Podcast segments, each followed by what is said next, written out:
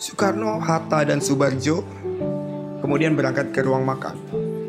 Di meja makan itu, sekitar pukul 2 pagi, mereka bertiga berembuk dan memikirkan kalimat yang harus ditulis untuk menggambarkan kemerdekaan. Aku persilakan Bung Hatta menyusun teks ringkas itu. Sebab bahasanya aku anggap yang terbaik. Sesudah itu kita persoalkan bersama-sama. Setelah kita memperoleh persetujuan, kita bawa ke muka sidang lengkap. Yang sudah hadir lengkap, kata Soekarno seperti dikutip Hatta dalam memoirnya. Meja makan memiliki sebuah rahasia besar yang tidak banyak orang menyadarinya. Berbicara terkait meja, tidak melulu soal benda yang hampir ada di seluruh rumah di penjuru dunia. Terlepas dari bentuknya yang bervariasi, mulai dari bundar hingga berbentuk persegi, sejatinya meja makan tidak hanya sekedar tempat untuk menyajikan makanan.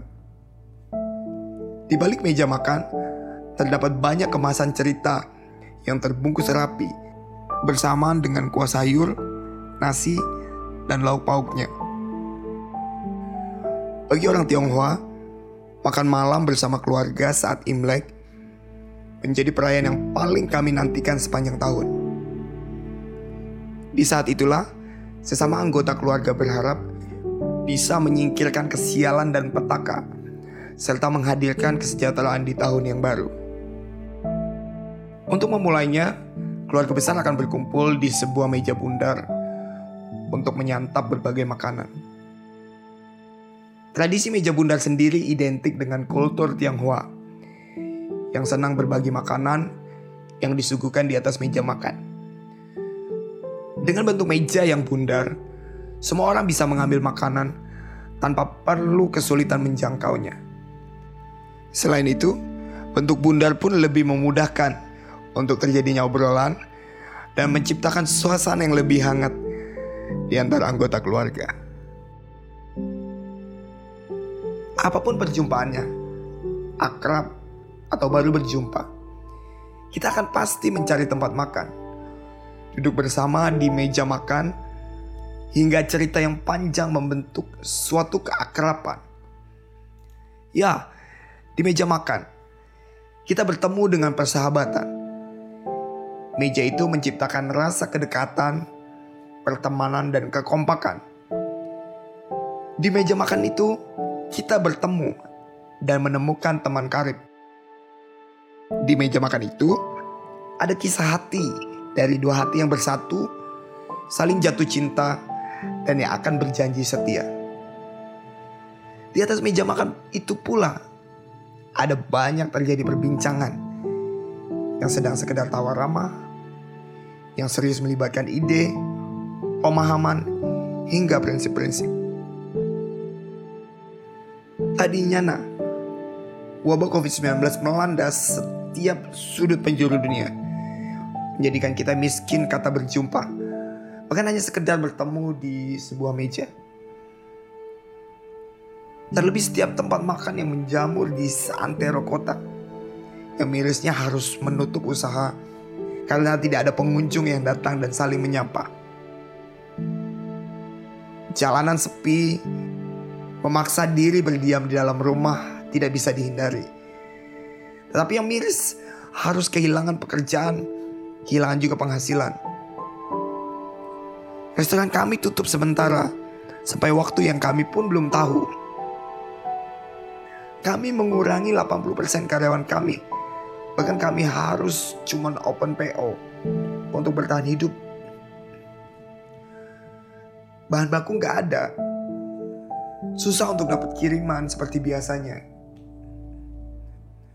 Kami dirumahkan. Sudah tidak ada orang yang datang selama dua bulan ini. Begitu banyak ungkapan sedih yang miris didengar. Hingga detik ini pandemi belum ada vaksin yang keluar. Apakah harus berhenti menyerah dan mati kelaparan? Apakah berarti kita harus berhenti atau bertahan?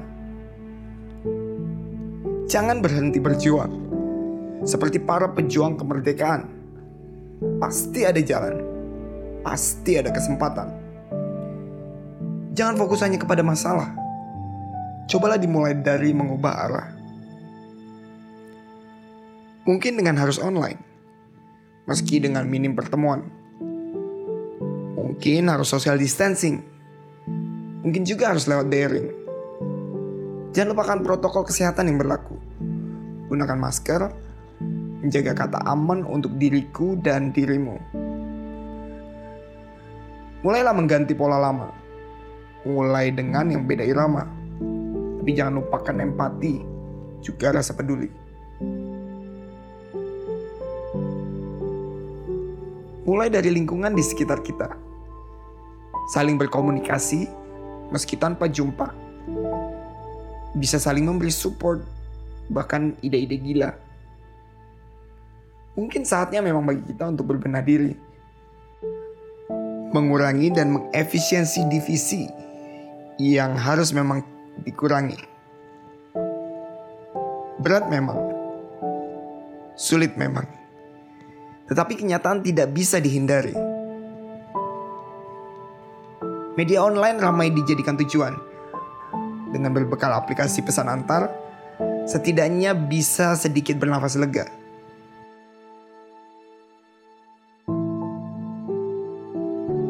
Mulailah inovasi tentang apa aja. Gak melulu ragam hal yang kita kuasai. Atau minat yang kita hargai. Kemasan, promosi, pangkas harga, menu baru. Beragam gagasan yang bisa diupayakan.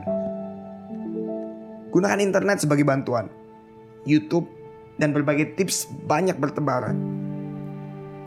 Gunakan resep baru, juga menu baru Mungkin bisa menggunakan kemasan untuk keluarga. Mungkin bisa dinikmati untuk waktu yang lebih lama. Saling menjaga dan saling menyapa juga perlu. Untuk waktu yang lama bakal sulit bertemu dengan orang-orang dekat yang tentu akan rindu. Lewat video call dan aplikasi Zoom, berkumpul dengan keluarga jadi agenda yang mudah setidaknya memastikan mereka baik-baik saja. Meski beda lokasi dalam peta, yang mereka tahu hati kita ada di sana. Begitupun dengan teman, support system terbaik. Ada kalanya kondisi kita bukan yang paling buruk, bukan bisnis kita yang paling pelik. Jangan lupakan empati, saling menjaga akan memberi jiwa kita rasa untuk menjadi lebih bermakna. Lebih dari semua hal tentang pandemi ini, lebih dari tentang vaksin yang dirindui. Ada banyak hal dalam hidup ini yang tidak kita ketahui pasti. Ayo mulai lagi. Jangan biarkan mimpi kita mati. Mungkin kelak sehabis pandemi, kita akan bertemu di meja makan sambil bercerita mengenai kemerdekaan versi kita yang mengharukan.